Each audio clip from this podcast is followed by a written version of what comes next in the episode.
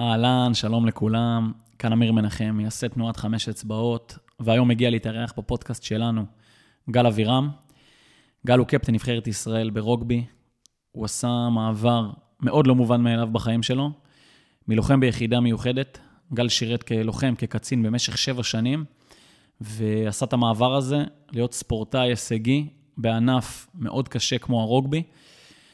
הפרק הזה מתקשר אה, בצורה ישירה לפרק הקודם, שאירחנו בו את יורם גובר, שדיבר בעצם על ההבדלים המנטליים בין לוחמים לספורטאים, וגל שיקף דרך סיפורו האישי באמת את ההבדלים האלה. סיפר על מה אפיין את הדברים שהוא חווה בתור לוחם, ואיך זה התקשר אחר כך לדברים שהוא עשה בתור uh, שחקן רוגבי, ספורטאי עילית, שהיום הוא בעצם משמש כקפטן נבחרת ישראל, וגל רואה את עצמו הרבה מעבר רק לספורטאי וקפטן, הוא רואה את עצמו כאיזשהו שגריר של הענף, וגם דיברנו לא מעט על ענף הרוגבי, כענף שאפשר לקחת וללמוד ממנו הרבה מאוד דברים, ענף ששם את הערכים לפני ההישגים, ואני אישית מאמין שבני נוער צריכים לגדול בענפים מסוג כזה. מוזמנים לשתף, להעביר לאנשים שרלוונטיים, האזנה נעימה.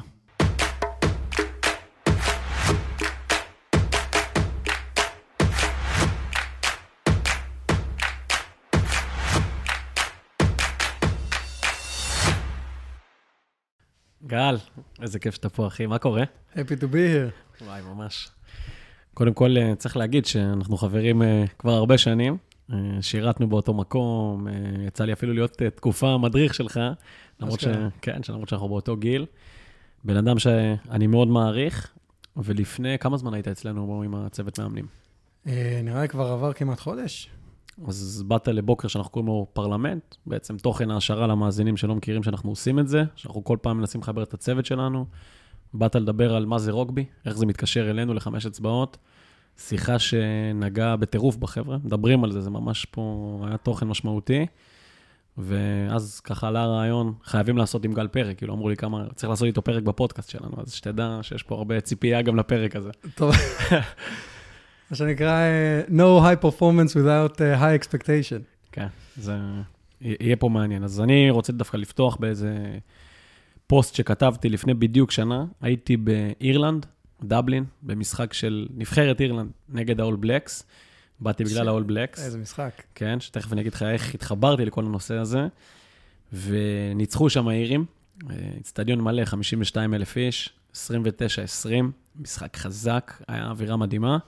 ואני מקריא לך קטע מתוך הפוסט, כשחזרתי לארץ, וגם אה, היו הרבה תגובות מאנשי הרוגבי. הדבר הגדול מבחינתי לא היה המשחק ובטח לא התוצאה. הדבר הגדול מבחינתי הייתה החוויה התרבותית. כדי להמחיש לאיזו תרבות אני מתכוון, אשתף ברגע שמתמצת הכל. המשחק נגמר, שריקת סיום. שתי הקבוצות אחרי מלחמה אדירה, שחלק מהשחקנים מדממים תרתי משמע. אחרי דקה של חיבוקים ולחיצות ידיים בין שתי הקבוצות, ה-all blacks, רגע לפני הירידה מכר הדשא, נעמדים בשתי שורות ומוחאים כפיים לשחקנים האירים יחד עם הקהל. הנבחרת האירית עוברת בין השחקנים הניו זילנדים ומוקירים תודה. לי ולרועי החבר שהייתי בקהל, יש צמרמורת. מסתבר שככה זה בכל משחק. זאת התרבות. אבל הרגע המדהים הזה עוד לא נגמר. רגע אחרי שהאירים מסיימים את המעבר בין שחקני blacks, שתי הנבחרות יוצאות, יוצאות יחד להקפה סביב המגרש, כדי להחזיר תודה לקהל על התמיכה והמאמץ מהיציעים. אין אדם בקהל שלא עומד ומריע לשתי הקבוצות, שנתנו הכל למען משהו שגדול מהם. יש לי צמרמורת גם עכשיו. וואו, מדהים. אז בול. זה, אחי, הרוגבי. זה למה הענף הזה מדבר אליי נורא אישית, ובוא נתחיל רגע בסיפור שלך. אז רגע לפני הסיפור שלי, אה, מה שמדהים זה כמה מדויק זה מבן אדם שלא מכיר את הענף, וכמו שאמרת בשיחה שלנו לפני כן, אפילו את החוקים אה, עוד צריך להשלים לך, נעשה לך איזה איזה קורס, אבל, אה, לגמרי. אבל פגעת בול. זה בדיוק אה, מה שנקרא כל התורה על רגל אחת. אני אגיד גם, אחיך הגדול, אה, היה מפקד יחד איתי כשהייתי מפקד צוות, ואחרי כמה כבר שנים שהשתחררתי, הוא הביא לי ספר, לגאסי, עם הקדשה אישית, והוא אמר לי, אמיר, התרבות שניסינו להביא כמפקדים, זה הספר הזה, זה ספר על המורשת של blacks. כן. ואז התחלתי להסתקרן בטירוף, דרך הכי חניב, על העולם של הרוגבי. מה זה בעצם, איך התרבות הזאת מתחברת למה שאני עושה בחיים, אתה יודע, כל החיבור הזה של ספורט לחיים, להשפעה. ומדהים, באמת מדהים. זהו, בוא ניכנס אליך. אה, טוב, אז אה, גל אבירם, כמו שכתוב שם בטייטל, אה, נולדתי בארץ, אה, אה, חיינו בעמק חפר אה, רוב, ה- רוב השנים, עד שעברנו לאוסטרליה. אה, גרנו במלבורן, אה, שם בפעם הראשונה בעצם אה, יצא לי להיפגש עם ספורט מגע. בארץ זה היה כדורסל, שיחקתי קצת טניס, טיפה ג'ודו, קפוארה, אני לא זוכר מה היה שם בשנות ה-90. אה, ובאוסטרליה נפגשתי עם הפוטבול האוסטרלי, שזה דומה לרוגבי בכמה מובנים, לא דומה לשום ענף ברוב המובנים האחרים. וזה באמת, זה, זה ספורט שבשום מקום אחר לא משחקים אותו, רק באוסטרליה, אבל באוסטרליה הוא ממלא אצטדיון של מעל 100 אלף איש. סופר פופולרי שם. כן, מטורף. אה, ואחרי זה הייתה חפיפה עם הרוגבי, אבל אה, בקיצור, למדתי שם בבית ספר אה, יהודי, ושם גם הת- התרבות של הספורט, רק ברטרוספקט, ככה אני, אני מבין כמה היא, היא... באוסטרליה הם הגיעו לזה, הם שם. ממש. כמה שנים גרתם באוסטרליה? כל אח אה, היה שם אה, מספר שנים אה, אחר, אני הייתי שם חמש שנים. וואו. קצת יותר, מגיל כמעט 13 עד 18. אה, אז בסוף הייתי בצבא יותר שנים ממה שהייתי באוסטרליה, אבל הן שנים מאוד מעצבות, כן, אה, 12 עד 18. אתה בעצם הופך להיות ממש, ממש. בן אדם. אה, רק שתבין רגע, התרבות של הספורט בבית ספר, אגב, זה בית ספר יהודי, הספורט שם זה לא... בסוף זה יהודים. זה- כן, הם מסיימים את האקדמיה הרבה לפני הספורט. נכון. אה, אבל גם שם היה את המתקנים הכי טובים שיש. אה, פרקט שאפשר לאכול ממנו, אה, אה, אה, אולם התעמלות, קרקע, חדש, דנדש, הכל מדהים. כמו ברמות הגבוהות. היה ריק רוב הזמן, אתה יודע, הייתי צריך לבקש מפתח כדי להיכנס, לעשות שם אה, סלטות לבד, אבל... אמ, בחינוך גופני אה, שעושים שם, אני שיחקתי כל ענף שקיים. הם עושים, ממש, אתה עובר ענף-ענף, לומד את החוקים של הענף, כן. מביאים מישהו מהענף שידבר איתך עליו.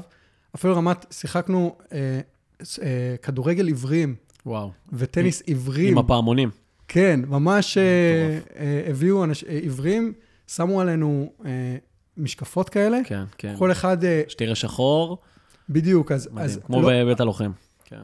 אז זהו, אז, אז לא כל היום זה שחור, לפעמים יש כאילו איזה, איזה פתח קטן, או שמים לך שזה, אתה נראה, אה, אתה רואה כאילו דרך אה, חלב, זה ממש מוזר, אבל זה כל מיני מחלות שונות ש, שיש להם, אה, ומדברים איתך על ההתמודדות שלהם, וזה וואו. אירוע מאוד מעצב לנער. עכשיו, הזכרת חינוך גופני, זה באמת חינוך גופני. זה באמת זה. ככה הם מגדלים בני כן, אדם שם. כן. זה- אצלנו זה אומרים חינוך גופני, זה קחו כדור, שחקו, ושם באמת בונים לך את האישיות על הדברים האלה במדינות כאלה, שהן כן. מדינות ספורט אמיתיות. אה, קוראים לזה physical education, כן? למרות שלדעתי זה מעבר ל-physical education, זה physical, mental, spiritual, emotional education, אתה יכול לקבל נכון. הכל דרך הספורט. בקיצור, אה, סיימתי שם בגיל 18, אה, החלטתי, אחי כבר חזר שנה לפניי להתגייס. אה, אני חזרתי, המשפחה שלי נשארה באוסטרליה עוד כמה שנים. אה, הגעתי לארץ, עברתי את, ה, את התהליך, לא היה לי איזה... לא רציתי תמיד להיות טייס, או תמיד להיות אה, לוחם ביחידה כזאת או אחרת. אה, ואיכשהו התגלגלתי לאותו מקום שאבא שלי היה ואח שלי היה, אבל אה, יש שיגידו פרוטקציות, יש שיגידו... אה, לגאסי. לגאסי זה יום יפה, well said. Um, uh, הגעתי, uh, מסלול קשה מאוד, לא נהניתי ברוב המסלול, אתה יודע. כן. Uh, הקשבתי לפרק עם, אילי, והוא אמר כמה הוא, דווקא מה, מהחלק הכי קשה, מה, מה, מהמכין, הוא, הרגיש כאילו זה, זה ממש אתה היה לא- לא אהבת את ה... תמיד אחי, שנאתי- באת מאוסטרליה, תגיד, מה אתה צריך את הדברים האלה אתה עכשיו? יודע, אה, תכלס נשארתי כי, כי תמיד הסתכלתי ימינה ושמאלה, ואהבתי את החברים האלה, אמרתי, מה, אני, אני, אין סיכוי, כאילו הם נכנסים למים, אני איתם. כן. אה, ו, והיה בי איזשהו סוג של אגו, שאמרתי, אני, כאילו, איפה, לא, אין סיכוי. אה, אגב, אגו, אני נדבר על זה אחרי זה, אבל לדעתי, אה, קיבל אה, bad rap. וזה אחד הכלים הכי, הכי חזקים שיכול אה, להיות לבן אדם, אם הוא יודע להשתלט עליו. אנחנו נדבר על זה, כי זו נקודה מאוד חשובה, מה שאתה אומר פה. אמ, סיימתי מסלול, המשכתי אה, עוד קצת, אמ, והצוות שלי השתחרר, כשהוא השתחרר, אני יצאתי לבה"ד 1. נכון, יצאת מאוחר. אה, כן, לא, לא היה תכנון שלי, בתכנון כתוב, היה כתוב שאני הולך להיות ב, בריו ב-2014, אימא שלי מברזיל, אז חשבתי, הנה, אני אעשה איזה טיול שורשים. אה, ובמקום זה הייתי בבה"ד 1 עם הבניינים האפורים שם. עם אנשים איזה שלוש-ארבע שנים ממך מתחת. בגיל. אה, ואגב, אה, אירוע מטורף, אני חוויתי את בה"ד 1 אחרת מאחרים שם, אה, שמגיעים מחי"ר או שריון. כן. אה, הרבה בגלל הגיל, אה, ובגלל מאיפה שאני באתי ומאיפה שהם באו, אה, אבל זו פעם ראשונה שבאמת הכרתי את הצבא. אתה יודע, שם בבועה, ובתוך הבועה שאני הייתי בה, הייתי בתוך בועה. כן, כן, זה משל המערה האמיתי, לצאת מהמערה, רגע שגדלנו עליה כל כך הרבה זמן, ממש. פתאום לראות את המציאות המורכבת, כן, וסופר כן. מעניין בעיניי. אה, אז אה, באמת אה, עברתי אה, סדרת, אה, סדרת חינוך שם בבה"ד 1, אה, ועד היום אני בקשר עם חלק מהחבר'ה שם. אני קורא לזה סדרת צניעות. וואו, מקבלים פרופורציה רגע, נרגע- כן. מורידים קצת את האף, אחי. לגמרי. אה, ומצד שני, אתה מבין כמה, איזה בית ספר היחידה הייתה עבורך, לערכים ודברים כאלה שבצבא אולי מדברים עליהם בבה"ד 1, אבל אז אתה רואה, חבר'ה, כאילו, אתה אומר, או, ערכים, נורמות, תחקירים, אה, מול מקצועיות, תשלים, שמישהו ישלים, אתה יודע. אה, אז ככה הרגשתי גם באיזשהו מקום שאני מביא אה, איזה משהו, ואני לא סתם פסנג'ר, מה שנקרא, אה, אורח. אה, הייתי מפקד, אה, פתחתי צוות קטן מאוד, אה, שהתחיל משני חבר'ה, אה, ובסוף סיימנו עם ארבעה חבר'ה, היום זה, אני חושב, אזור החמישה. אה,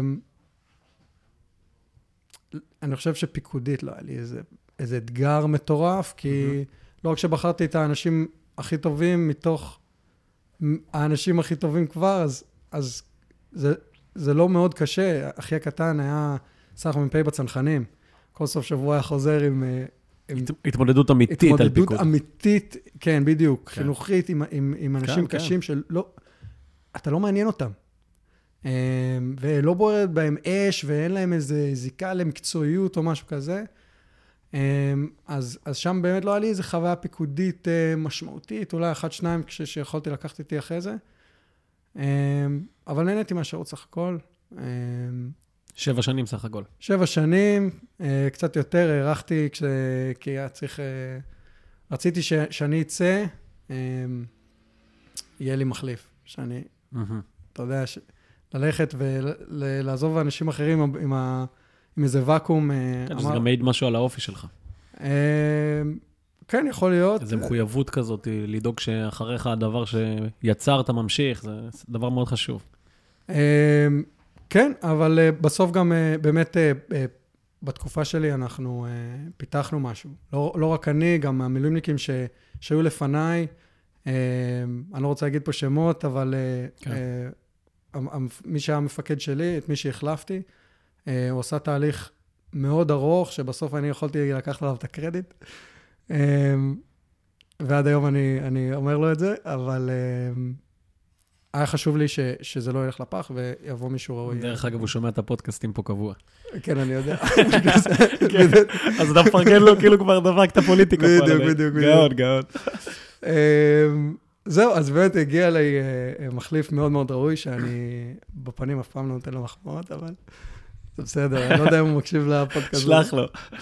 אמ, וזהו, השתחררתי. שאלה רגע, כי זה קשור גם למה שעשית אחרי. יש לך אח גדול שגם היה ביחידה, כמוך קצין, אה, לא ניכנס פה לפרטים, אח קטן, קצין בצנחנים, אני במקרה גם מכיר אותו. ההורים כנראה עשו איזה משהו טוב שם. מה, מה כאילו הדבר הזה שגדלתם עליו בבית ש... גם גם אבא שלי היה קצין, אה, נכון. אבל אמ, דווקא אבא לא דיבר הרבה על הצבא אה, בילדות. במק...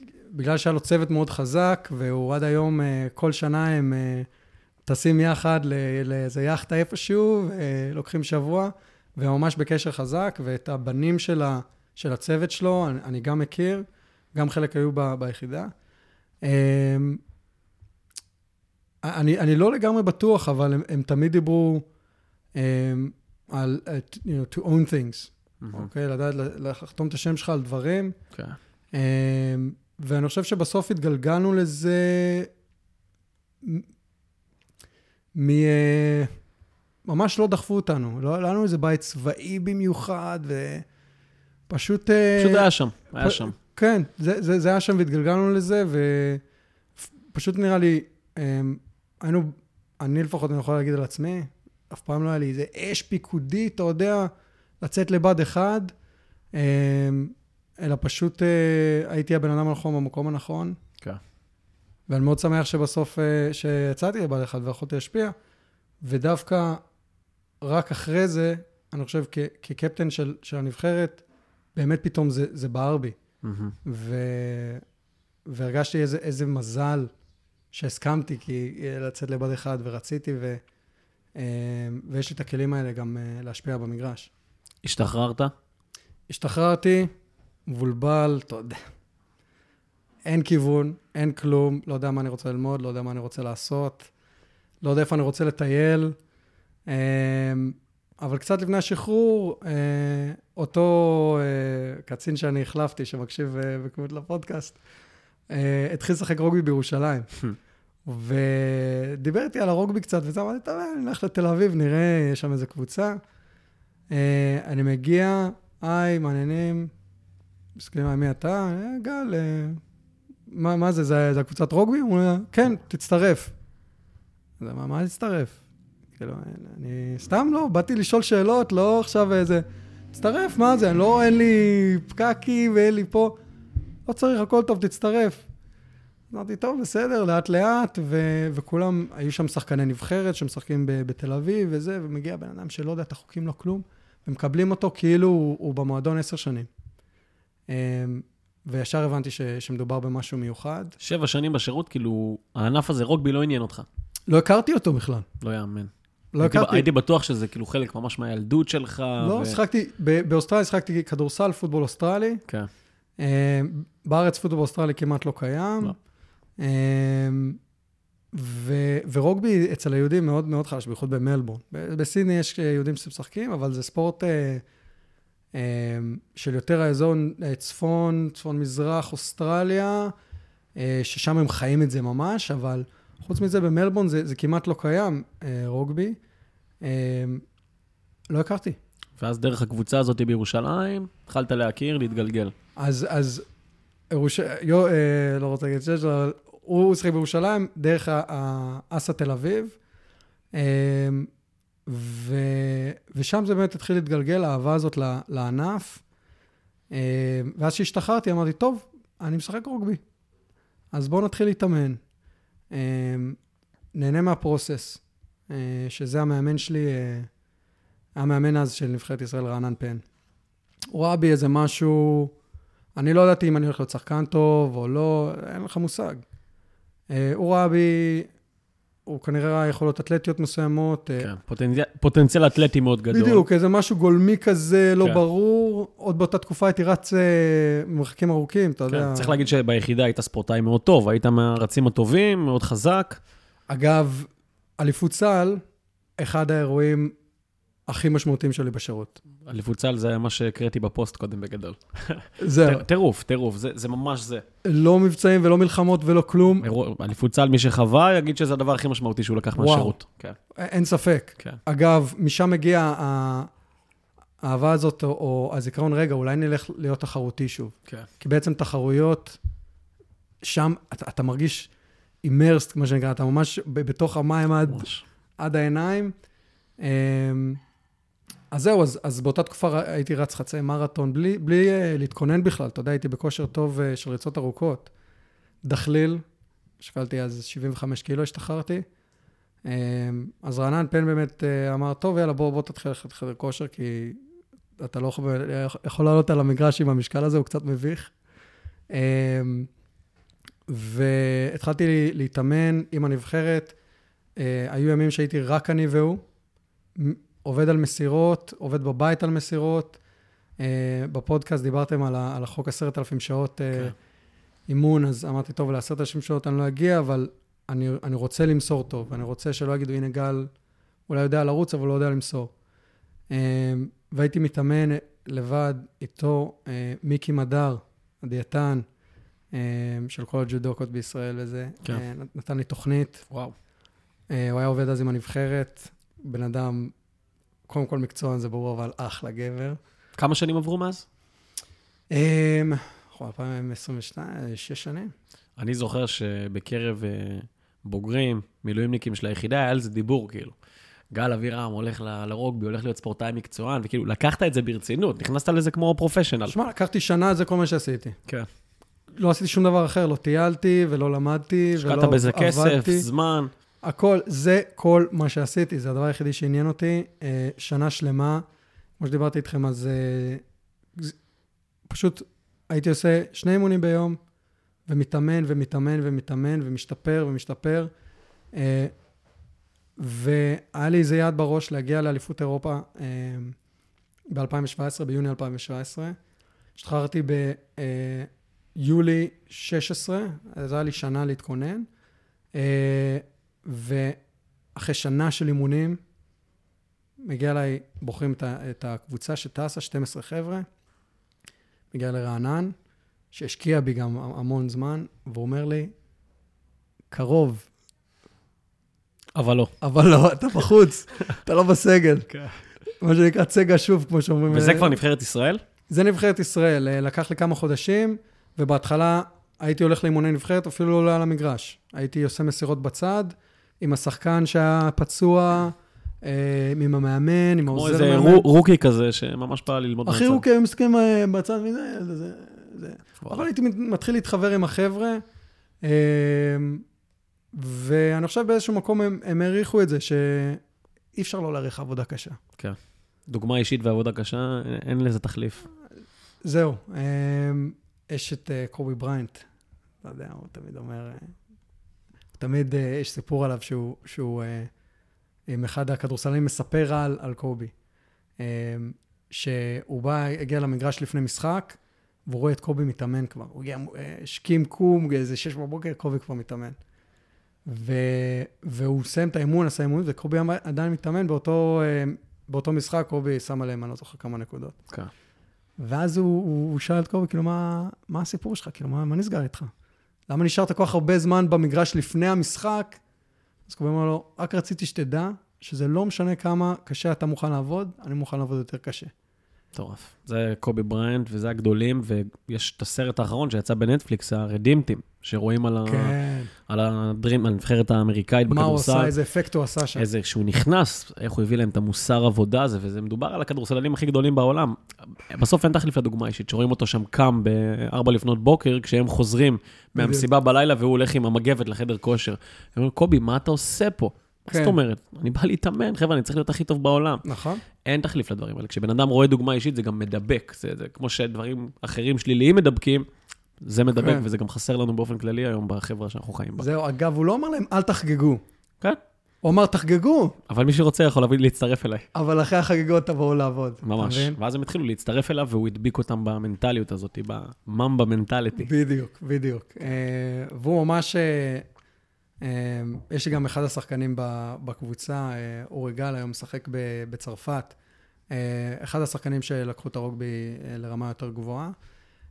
אז אנחנו תמיד שולחים אחד לשני סרטונים של, של קובי על, על הממבה מנטליטי, ממש על מדהים. עבודה קשה. ועד היום אני יכול להגיד לך, אני לא, אני לא השחקן הכי טוב בנבחרת. ממש לא. אני גם יחסית קטן, יש שם חבר'ה מפלצות, הרבה יותר מוכשרים ממני, וחבר'ה שהם ספורטאים מצטיינים, ש... כן, שגדלו בזה. אתה הגעת בזה. לענף בגיל ואני- 26. אני אף פעם לא אגיע אליהם. ושהם יהיו בגיל שלי, בגיל 32, יהיו הרבה יותר טובים ממה שאני היום. אה, ואגב, אני לא חושב שקפטן צריך להיות השחקן הכי טוב, ממש לא. אה, הוא צריך ליצור איזו אווירה כזאת אה, של, של מאמה מנטליטי, של חבר'ה שמוכנים לעבוד קשה. כן. הגלוגה היא זה שמחבר את כולם, זה- זה הקפטן. כן. כמה זמן לקח מהרגע שנכנסת לנבחרת עד שהפכת לקפטן? אה, כמה שנים טובות. אה, בסוף אתה צריך להיות טוב, אתה, אתה לא יכול להיות... אה, כן. אה, שחקן שולי, אבל אתה הוא... לא יכול להיות שחקן ספסל, אתה לא יכול להיות הקפטן מהספסל. כן. אה, לא יעזור כלום. אה, אני חושב שזה היה ב-2019 או 2020, אני לא זוכר בדיוק. אבל המאמן, אה, אין אצלנו, אני יודע שאצלכם יש אה, בחירות לקפטן. כן, חמש אצבעות עושים בחירות. אגב, יש לזה הר- הרבה יתרונות. אה, אם אני לא טועה, זה ה... קראתי איזה מאמר על, על איך, איך לבחור קפטן בקבוצה, ואני חושב שבחירות היה מספר אחד שם. וואלה. היה pros ו cons לכולם, אבל, אבל בחירות היה מספר אחד. שתיים, היה מינוי של, ה, של המאמן. מדהים. אז אצלנו המאמן מעלה את השמות שהוא חושב שראויים, ואז יש בחירות על ה top 3, top 5, תלוי בגודל הקבוצה. זה קצת risk management שלא... כן, כן. אה, זה הרי עלול ליצור איזה popularity contest כזה. כן. אבל עצם זה שיש את המושג הזה, קפטן, זה הדבר הגדול. אתה, יש הרבה פעמים מקומות שמפספסים את המשמעות של הדבר. שמע, זה, זה, זה סופר חשוב. כן. אה, וגדולה של מאמן זה גם לתת מקום ל, ל, לקפטן אה, לעשות את, את העבודה שלו. וחלוקת אחריות בין המאמן לקפטן היא סופר סופר חשובה. עכשיו, אין, אין דמות של קפטן שאני חושב שזאת הדמות. כל קפטן לאול בלקס אה, אה, היה את מקו, שהוא היה אגדה, הוא הוביל, הוא לא מדבר כמעט. אבל אנשים ראו אותו עובד, ואמרו, אני הולך אחרי הבן אדם הזה, כאילו. כן. ויש אנשים שהם יותר ורבליים, אישית, אה, שאוהבים יותר אה, דרך... אה, אני, אני רחוק להיות מריצ'י מקור ב, ב, כשחקן אבל הוא המודל באיזשהו מובן. של עבודה קשה, אין ספק. אה, ויש אנשים, ויש קפטנים יותר ורבליים, פחות ורבליים ו- וכולי. תגיד, ענף הרוגבי קצת. אנשים, אה, לא, הוא לא כל כך פופולרי עדיין, אה, לצערי, מספיק בחיים שלנו.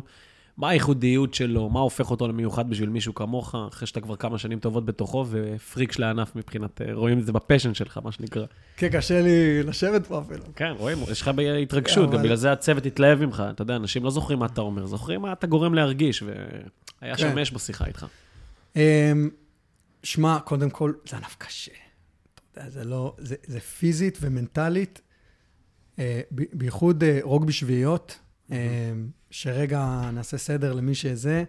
יש אה, לרוגבי, אה, בוא, שני ענפים, אה, סאב ענפים מרכזיים, אחד זה הרוגבי 15, זה אליפות העולם, זה הרוגבי המפורסם שמכירים. המפורסם, ויש רוגבי שביעיות, שזה ענף... האולימפי. האולימפי, בדיוק. אותו גודל מגרש, שבע שחקנים בכל צד, איזה קצב. קצב פסיכי. וואו. לקחו את ה... אתה לוקח קבוצה של 15 איש, לוקח את הכי מהירים והכי זריזים, עם הסקילס הכי טוב. כל הפיג'ים. כל הפיג'ים, אגב, לא סתם פיג'י הם מספר אחת בעולם בשביעיות. אמ, ומשחק ש- שני חצים של שבע דקות. שבע דקות של ספרינט tackle, ספרינט tackle, ספרינט tackle, הפסקה, ספרינט tackle, ספרינט tackle. אתה נכנס ל- ל- למכונת כביסה עם, עם אבנים, מתערבל, יוצא לספרינט, חוזר למכונת כביסה.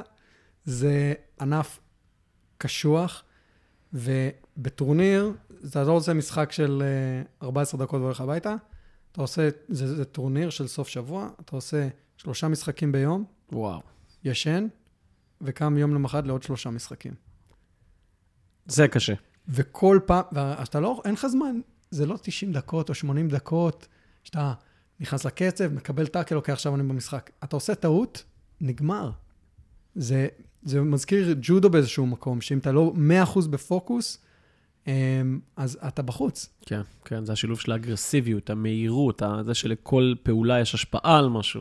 אז, אז זה הממד הפיזי של המשחק, אמרתי, וואו, זה ממש, זה קשוח, ומנטלית זה, זה הזכיר לי דברים שחווינו במסלול. אבל מעבר לזה, פתאום אני מגיע לענף, ומדברים איתי על ערכים. אמרתי, בוא'נה, היה רק מקום אחד אה, שדיברו איתי על ערכים בזה, וזה בצבא. אה, ואמרו, כן, כבוד, והסיפור ש... שהתחלת איתו, עם מומחיות כפיים, רגע, עכשיו פירקנו את ה... הם שלחו את אחד החבר'ה שלנו באמבולנס, כאילו, אבל סוף המשחק, אני לוחץ לו את היד, אומר לו כל הכבוד, וככל שהוא היה יותר אגרסיבי, ככה הוא מקבל יותר כבוד. אתה יודע, באימונים לפעמים אומרים, תכבדו אחד השני ותהיו אגרסיביים. ענק. ממש דומה לאומנויות לחימה באיזשהו מובן, שזה, אין את זה כמעט בענפים אחרים. נכון. הערכים לא נכנסים Yeah. לשיח, זה הכל נו- מדבר נורא על אה, טקטיקה, טכניקה, הישגים, פחות הערכים, התכונות שאתה רוצה נכון, להביא. נכון. ב- באמנויות לחימה יש את זה, בג'ו-ג'יצו, ש-. שהתחלתי, אז, אז גם דיברו איתי על ערכים, ואתה מתחיל כל קרב בכזה כיף וזה, ומסיים כל קרב, קידה, לכי- דברים בדיוק מאוד כבוד, אבל משמעותיים. בענף כדור, אין את זה. אין את זה. כן. ואתה מסתכל על הערכים של רוגבי, ואתה אומר, טוב, מה זה הערכים האלה? ואתה קורא, והראשון זה כבוד. והשני אמ, זה יושרה, והשלישי זה תשוקה, והרביעי זה משמעת, והחמישי זה ערבות הדדית. ואתה אומר, אוקיי, בואי, זה בדיוק מה ש... עכשיו אני אבא, אה, הילד שלי עוד רגע שלושה חודשים, חמוד כזה. ענק. זה בדיוק מה שאני רוצה, שהילד שלי יגדל בו. זהו, זה כל הערכים שאני רוצה שיהיו לו. אם יש לו את חמשת הערכים האלה, עכשיו, את החמשת הערכים האלה אפשר לכתוב בהרבה צורות. וכשהסתכלתי על הערכים של... אה, שהעברתי לכם את ההרצאה, אמרתי, טוב, בואו נסתכל על הערכים של חמש אצבעות, כמו שאני מכיר את אה, אמיר ודרור, זה אז הערכים קודם. ואמרתי, טוב, בעצם זה אותם ערכים כתובים אחרת. אמ, ואמרתי, אוקיי, זה, זה באמת ענף מיוחד, ואני עד היום, למרות שאני עובד משרה מלאה ואני אבא וזה, אני... זה התשוקה שלי בחיים, באמת. הענף הזה, הוא, הוא... אין דברים כאלה. לגבי הפופולריות שלו, אה, אני מאמין בו, הוא, הוא קודם כל הוא מאוד פופולרי בעולם. כמו שאמרנו לפני... אז בוא רגע ניכנס לזה. מה המדינות שרוגבי שם... קודם כל, יש מדינות שרוגבי זה הספורט הלאומי שלהם. נכון, הספורט מספר אחת שם. כן, והם הגדירו אותו כהספורט הלאומי.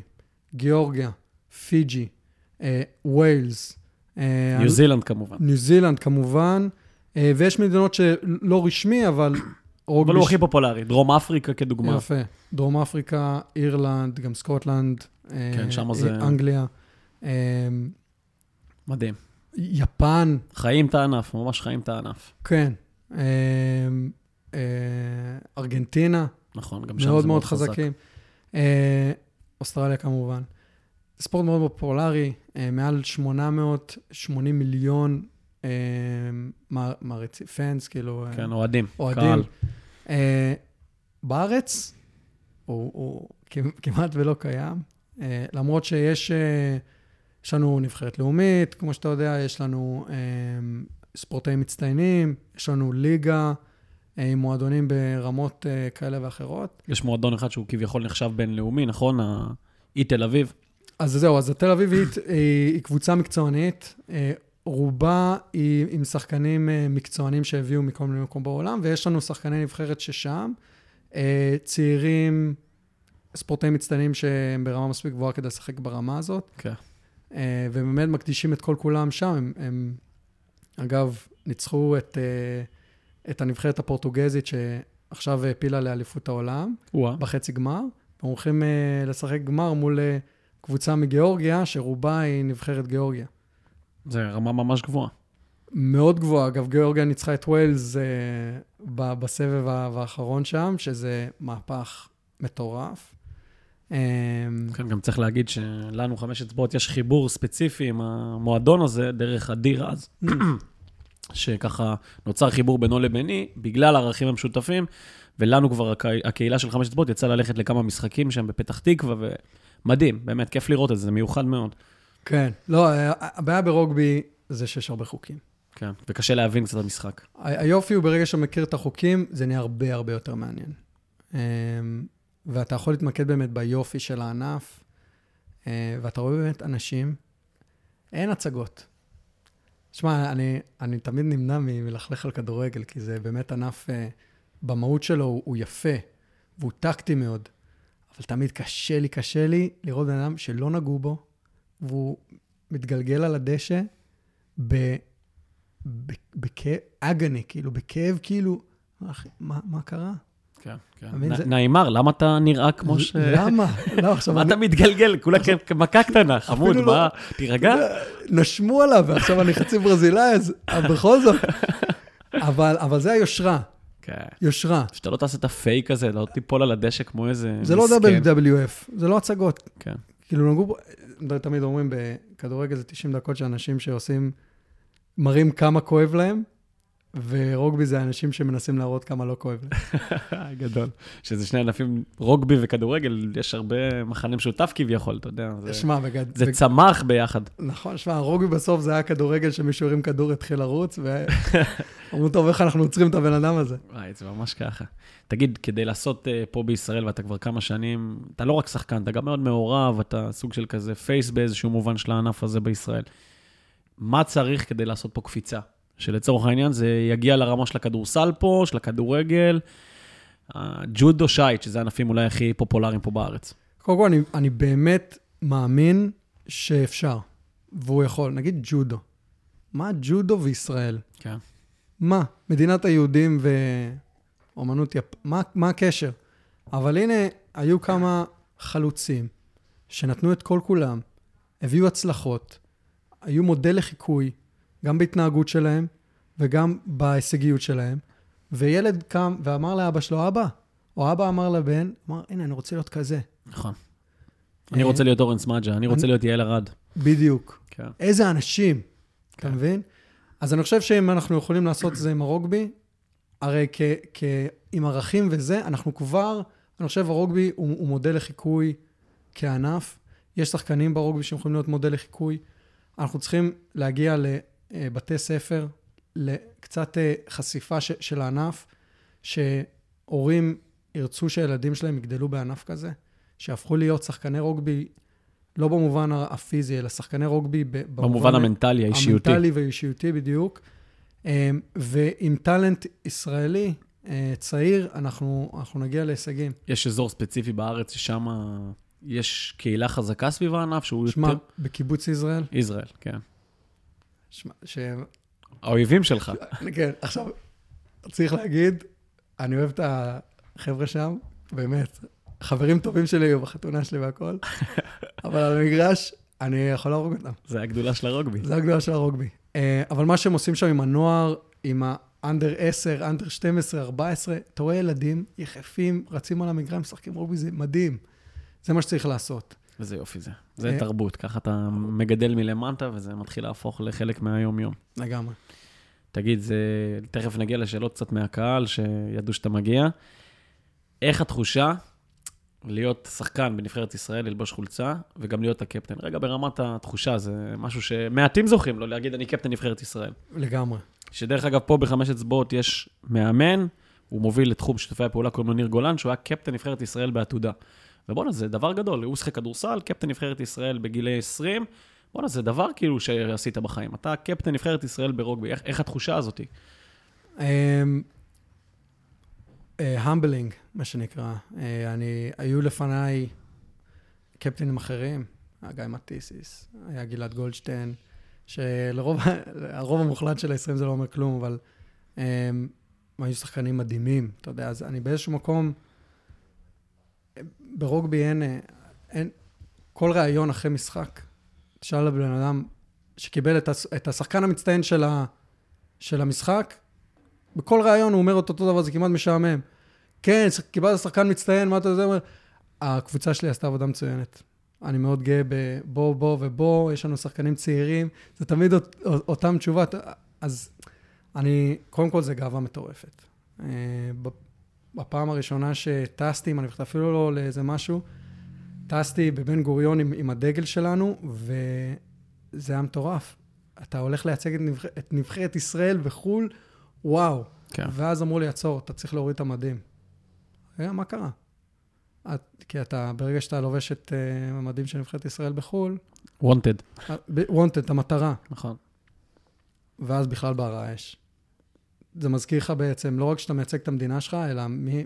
איזה מדינה אנחנו... איזה מדינה אתה מייצג. ממש, ממש. אמ, אתה רואה עכשיו במונדיאל את אה, כמות דגלי פלסטין שם, זה... לי זה נותן עוד מוטיבציה, יש הרבה עבודה. זה רק מראה לך שספורט זה הבמה העולמית. חבל הזמן, חבל הזמן. ומה הרגע שיא כרגע בקריירה, שהיא אומנם קצרה, אבל אתה כבר בגיל שאתה לא ילד. הרגע השיא, אה, ויש לי רגעי שיא שאני מסתכל עליהם לעתיד, אבל הרגע השיא היה אה, שארגנו, לא, אני ארגנתי, כן, המארגנים של, אה, של נבחרת ישראל, ביניהם קווין מוזיקנט, שעושה דברים נהדרים עם, עם ההיט, אה, וארגן אה, מחנה משותף, מחנה אימונים משותף עם איחוד האמירויות. והיינו הנבחרת הישראלית הראשונה בכל ענף לעשות מחנה אימונים משותף עם איחוד האמירויות, ושיחקנו מולם וניצחנו, והגיעו כמויות של מדיה שם, מלא עיתונאות. מראיינים אותנו, אה, הגיע אה, שייח' אה, משם ששייך למלוכה, לא יודע, ונתן לי בתור הקפטן שם את, הגביע של, אה, של האירוע הזה, ואתה יודע, הלב יצא מהמקום. מדהים. איזה, זה דברים ש... כן, חווים ה- ממש פעם ב... אני כזה רק מספר את זה, כן. אבל אה, יש עוד שיא בעתיד. כן, כן, תכף גם נגיע, זו תהיה השאלה האחרונה, ככה קצת על העתיד. אני, לפני שאני נכנס לשאלות קהל ככה מהר, המפגש שלך עם חמש אצבעות, כנקרא לזה נציג הרוגבי, היה מאוד משמעותי. כאילו, דיברת על זה קצת קודם, אבל מה באמת אתה מזהה כמחנה משותף בין מה שאנחנו עושים פה, הרבה בסוף מהמאזינים שלנו הם מחמש אצבעות, גדלו פה, לבין הדברים שאתה כל כך אוהב ברוגבי. אמ, שמע, באמת, אה, לשנות את העולם. הם חושבים, אתה אומר, רוגבי זה, אנחנו אוהבים את הענף והכל בסדר, אבל בסוף הוא כלי. הוא כלי לשנות את העולם. ראינו את זה באליפות העולם ב-95, עם מנדלה.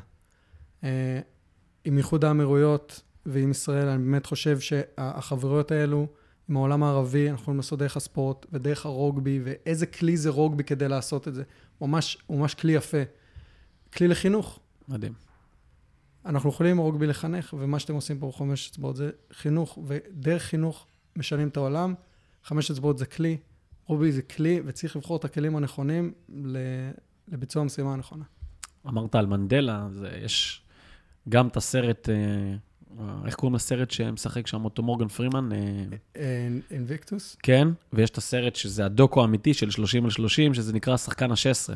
ממש על הסיפור בשנת 95, אחרי מה שקרה בדרום אפריקה, שמנדלה הפך לנשיא ובחר ברוגבי כדרך לאחד את העם בין השחורים ללבנים. סיפור פשוט יוצא דופן, שהמשפט שמסיים את הסרט, שספורט זה כלי לשנות את העולם. זה סרט צמרמורות, אני רואה אותו פעם בתקופה כדי כל פעם לזכור מה אני עושה, מה מעניין אותי באמת כן. בחיים. ואני אני מכניס שאלה אחת שלי מהקהל, אבל דיברת על האגו. למה אגו זה דבר חשוב? כי הרבה אנשים, לא, אני נזהר מהאגו שלי, אני לא, קודם הזכרת את זה. כן. למה באמת זה דבר חשוב, אגו? שמע, אגו הוא מפוצץ אנרגיה. אי אפשר לבזבז אנרגיה. גם, אה, אם כבר דיברנו על קובי בריינט, יש, אה, יש פרסומת שלו, שכל הקהל אומר, קובי, you suck, קובי, you suck, ורואים אותו עומד ככה מול הקהל, כן. זה אנרגיה, תביאו לי אנרגיה, אם זה כעס, אם זה, אם זה שמחה, אם זה מוטיב... לא משנה מה זה, זה אנרגיה, harness it, כאילו, ת, תיקח את זה בשתי ידיים ו, וזה ייתן לך drive. נכון, אגו הוא, הוא אחד כזה. נכון, נכון. עכשיו, צריך להשתלט עליו, כן, ולמקד אותו לדברים הנכונים. למקד אותו. כי זה יכול להיות גם הרסני. רונלדו. בדיוק. הרי זה. אחת הסיבות שהוא כל כך מצליח, יש זה זה. זה זה, ואחת הסיבות עכשיו למה שקורה לו, לנפילה שלו. זה זה. ממש, לגמרי. ממש. אתה יכול לראות את זה על מנהיגים, על אנשים. מישהו שאל, בחור בשם רועי, אם היית מתחיל את הקריירה בגיל צעיר יותר, האם היית יכול להגיע לרמות בינלאומיות? ממש לטופ, כאילו, בעולם. אני חושב שכן. לגמרי. בסוף אה, אי אפשר, יסודות זה משהו שמאוד קשה להביא בשלב מתקדם של אין מה החיים. לעשות, השתחררתי בגיל 26. אה, This is the best I can do, כן. עם מה שיש לי. אה, אז באמת, אתה יודע, אני מדבר עם ספורטאים שמצטיינים שמתגייסים. להתגייס זה הקרבה מטורפת על הקריירה. אגב, לא להתגייס זה הקרבה מטורפת אחרת של לוותר על, ה, על השירות, שזה אחד הדברים שמחברים את רוב הישראלים. נכון. אני חושב מי שמתגייס מקריב, ומי שהולך להיות ספורטאי מקריב המון, ויש לי המון כבוד ל, לשני ה... אה, בני ה-18, לשני ההחלטות.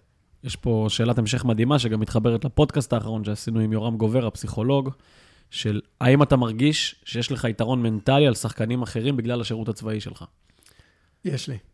מה בעיקר? זה כאחד שמאוד חי את זה, ואני מבין את זה, אבל המאזינים, מה היתרון? שמע, אה, תאמין שזה התחיל מהילדות, אבל אני חושב שאבא שלי קיבל את זה בשירות שלו. תמיד אמר לי, הוא לא נתן לי הרבה טיפים לפני המסלול, אבל הוא אמר דבר כזה, שאתה רץ ומגיע עלייה, תחייך. תחייך, כי תדע שבעלייה אתה עוקף את כולם. כשקשה באמת, אתה עוקף את כולם. באליפות צה"ל, תמיד אמרנו, הלוואי וירד גשם. הלוואי ויהיה קשה, שהחול יהיה רך. כשבאמת קשה, הנה אנחנו. אז אני מחכה שיהיה קשה. ואני מרגיש הרבה פעמים, בייחוד הצעירים, אתה יודע, יש בוחן כושר עכשיו, כולם פנים, או... כן. וסוחבים את עצמם כאלה, אני כזה, או, יופי. אנחנו אוהבים את עכשיו ה... יהיה קשה. הממבה מנטליטי. כן. ממש חזק. אמ, למה, זו שאלה אחרונה שככה אני מאוד אהבתי שמישהו כתב אותה, למה ניו זילנדים, ה-all blacks, הפכו להיות כל כך מפורסמים בענף הזה? אפשר להגיד שהם התדמית בעולם של הענף. כן. מה גרם לזה? תרבות. הם עשו משהו ממש יפה. אה, ואת זה אנחנו רואים עכשיו בארצות הברית, את ה-divide, את, ה- את החלוקה לקבוצות, מחנות, אה, רפובליקנים, דמוקרטים, אה, שחורים לבנים, מה שאתה רוצה. כן, כל הזהויות ו... בוא, אני כזה ואני כזה, אני כזה. כן, חלוקה. בניו זילנד, הם, הם כולם הסתדרו מאחורי אה, תרבות אחת. אנחנו קיוויז. אנחנו ניו זילנדים, נכון. לקחו את ההאקה. אמרו, זה הסמל שלנו. לפני כל משחק אנחנו עושים את ההאקה. אה, זה ריקוד של ה native המסורתי שלהם, המסורתי שלהם. השבטיות הזאת של אותה. המאורים, אם אני לא טועה. אתה רואה ג'ינג'י, מה זה ג'ינג'י? כתום, בריטי כזה, עושה האקה, כן. ולידו ה- מאורי שחור. מאורי, הכי, אתה יודע, אתה רואה שהבן אדם הזה הוא מדהים. סבא של סבא של סבא שלו, אכל אנשים כאילו מפלצת, אבל כולם ביחד. גלבנייזד, אין מילה כזאת בעברית, אבל זה כאילו אה, אה, להת, להתלכד סביב אה, משהו מסוים. כן. אני חושב שהם עשו את זה, לקחו תרבות, ודרך התרבות הזאת הם, הם הפכו להיות הקבוצה הכי מצליחה בכל ענף. כן. לא, לא יודעים את זה הרבה אנשים, אבל ה-all blacks כקבוצת ספורט, כנבחרת, זה הנבחרת הכי מצליחה בכל הזמנים. מעל 80 אחוז הצלחה מאז כן. שהם התחילו להתחרות. אני טיילתי בניו זילנד חודשיים, וכל פינה משחקים שם רוגבי. כל פינה, כאילו, מוצאים קצת דשא. לא חסר שם דשא. כן. אז חוץ מזה שזה גן עדן, זה גם מקום מדהים ל... לרוגבי, זה פשוט מדהים. מי שרוצה קצת להכיר, יש איזה ספר, סרט, משהו שאתה ממליץ כדי טיפה להתחבר מעבר? יש. קודם כל, בואו. בואו לראות. יש uh, ברעננה, יש בתל אביב, יש ביזרעאל, יש באשקלון, יש בירושלים. בואו, דברו עם החבר'ה. גוגל קטן, ואתם מוצאים את הקבוצה הכי קרובה אליכם. חוץ מזה יש את Invictus, שאני חושב שזה סרט חובה בלי שום קשר. אה, לכל מנהיג, לכל אדם.